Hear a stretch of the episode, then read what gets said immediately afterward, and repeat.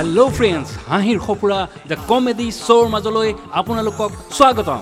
আগবঢ়াইছোঁ আমাৰ দ্বিতীয়টো অনুষ্ঠান গিৰিয়েক ঘৈণীয়েকৰ খুট খুট খাট খাট কথাৰে। আহকচোন হাঁহিৰ ৰস লওঁ।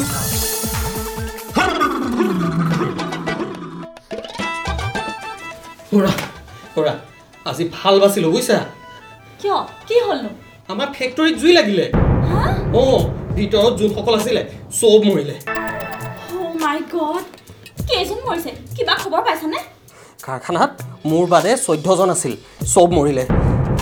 কাৰখানা মালিকে কৈছে এতিয়া যোনসকল মৰিলে তেওঁলোকৰ প্ৰতিজনকে দহ লাখকৈ টকা দিব। তোমাৰ বাহিৰে চব মৰিল? তুমি কেনেকৈ বাচি থাকিলা? আহা ভাগ্য ভাল মোৰ। সেই সময়তে মই চিগাৰেট এটা খাবলৈ বাহিৰলৈ গৈছিলোঁ। আৰু সেই সময়তে জুই লাগিলে। সেইকাৰণে মই সদায় কওঁ চিগাৰেট নাখাবা চিগাৰেট নাখাবা। চিগাৰেট যে স্বাস্থ্যৰ কাৰণে হানিকাৰক কিমানবাৰ তোমাক মই ক'ম হা? গ'ল নে দহ লাখ টকা?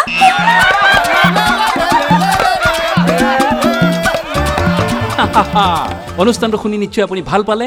যদি ভাল পাইছে আমাৰ চেনেলটো ফ'ল' কৰিবলৈ নাপাহৰিব। পুনৰ আহি আছোঁ পৰৱৰ্তী খণ্ডত এনেকুৱা হাঁহিৰ ৰস লৈ।